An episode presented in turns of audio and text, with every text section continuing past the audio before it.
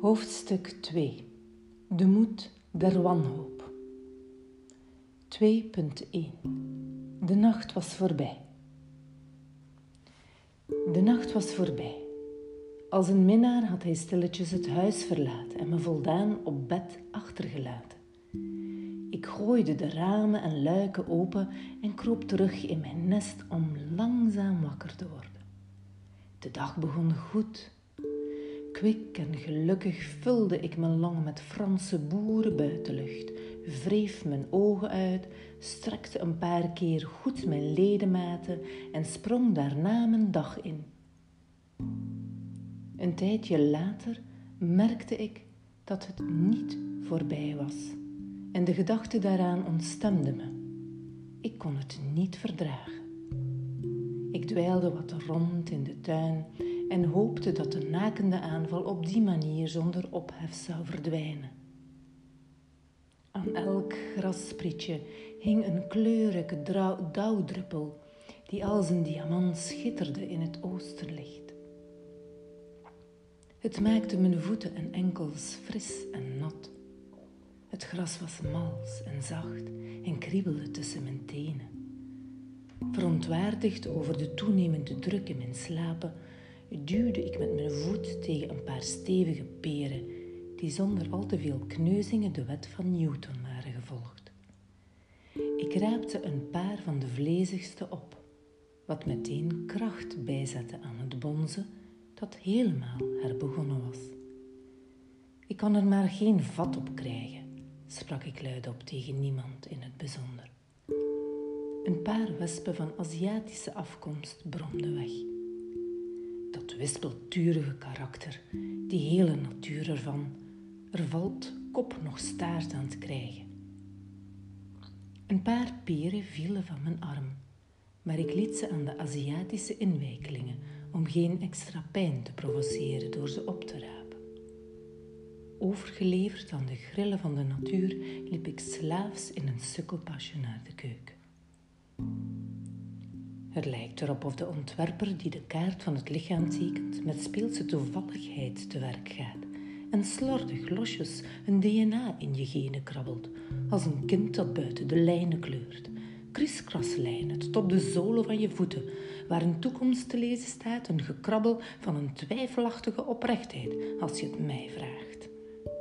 Want bloedverwanten, geboren uit gelijke ouders, bewandelen een ander pathologische weg – Uiteraard is er ook de input van het leven zelf, de gevolgen van onze kwetsbaarheid en de gevoeligheden uit ons verleden, de interpretatie die wij aan onze naweeën en de echo's uit onze jeugd geven. Het is ons geraden een kranig incasseringsvermogen te ontwikkelen om de klus van een mensenleven te klaren. Zonder forse wil en een paar pilletjes tegen de pijn komen we er niet. Ik deponeerde de peren in de fruitschaal waar een paar appelen hen gezelschap hielden.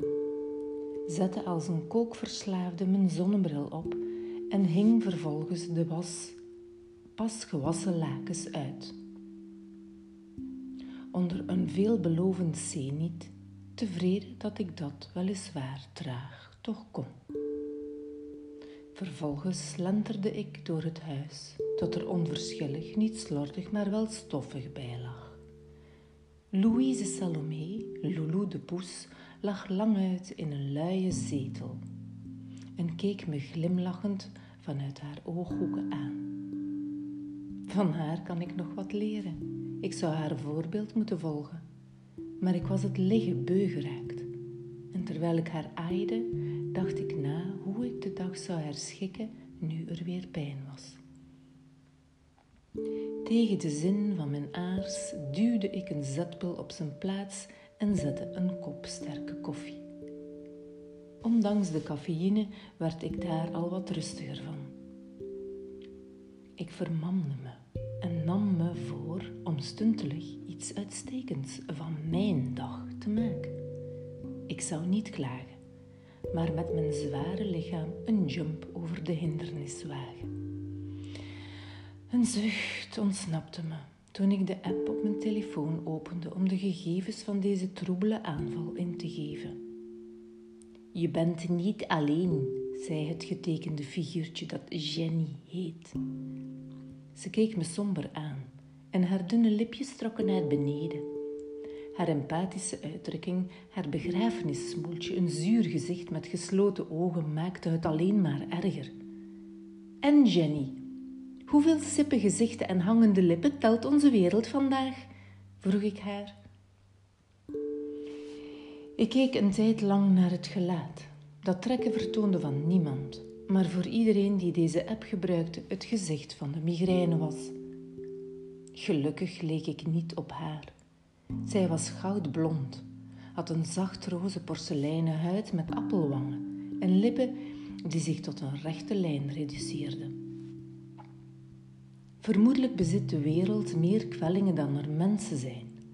Martelingen waar wij geen weet van hebben of waar wij gewoon niet bij stilstaan, zei ik tegen haar. En ik wou haar een duw geven omdat ze me ergerde. Eigenlijk mocht ik haar niet. Ik kon van niemand verdragen dat ze een lip trokken als zij geen pijn hadden. Migraine is voor de wetenschap al langer een kopzorg. Aretaius of Cappadocia, een gevierd Grieks arts, schreef een waardevol boek waarin tal van ziektesymptomen gedetailleerd beschreven staan. Over migraine schreef hij en in bepaalde gevallen doet het hele hoofd pijn. En de pijn bevindt zich soms links en soms rechts, of op het voorhoofd of op de fontanel. En dergelijke aanvallen veranderen van plaats op één dag. Dit wordt heterocranie genoemd, een ziekte die in geen enkel opzicht onschuldig is.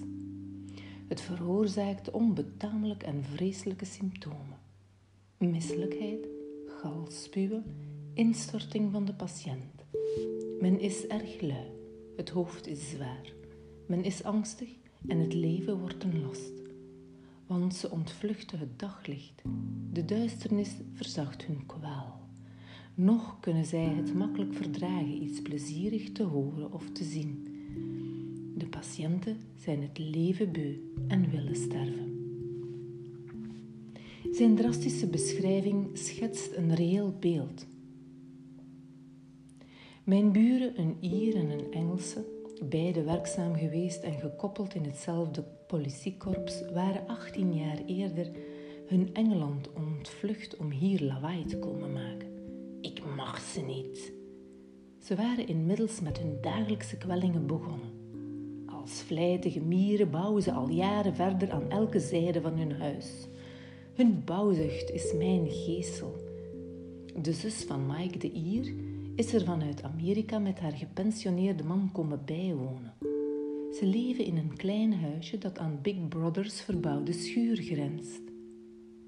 Het is door een pad van mijn huis gescheiden, maar vanuit mijn tuin goed te zien. Onder de indruk van dit stukje Frankrijk in La Charente hebben wij allemaal beslist in dit hol van Pluto komen wonen. Hals over kop gelovend dat de natuur en de stilte me zou genezen, had ik acht jaar eerder impulsief, zoals ik mijn leven regel, mijn bestaan, mijn hele bestaan achtergelaten om hier te komen wonen. Beter ben ik er niet van geworden. Op dit moment blijf ik in afwachting van een genezing weg en weer naar mijn land van herkomst reizen maar de laatste jaren rijd ik in de winter naar het zuiden, de andere kant uit. De oude Amerikaan leek zich in dit godvergeten deel van de wereld steendood te vervelen. Hij reed alweer het korte gras af, maaide onzichtbaar onkruid, verzaagde alles wat in zijn buurt kwam en blies met de meest stompzinnige machine de blaadjes van het pad. Hupla! Daar ging hij weer. Terwijl metsers een paar betonblokken op maat slepen om hun keuken uit te breiden, loeide zijn boomzaag. Gekweld door hun lawaai besefte ik tegelijkertijd dat mijn kribbigheid geen zin had.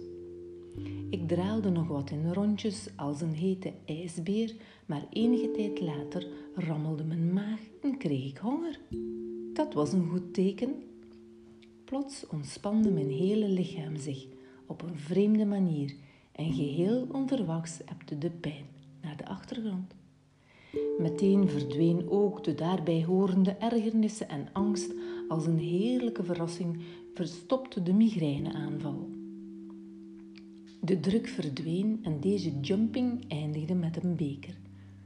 Dankbaar en verheugd om deze overwinning raapte ik bij wijze van test een sappige peer van de grond en met een zucht van opluchting zette ik met gespreide mond een stevige hap erin.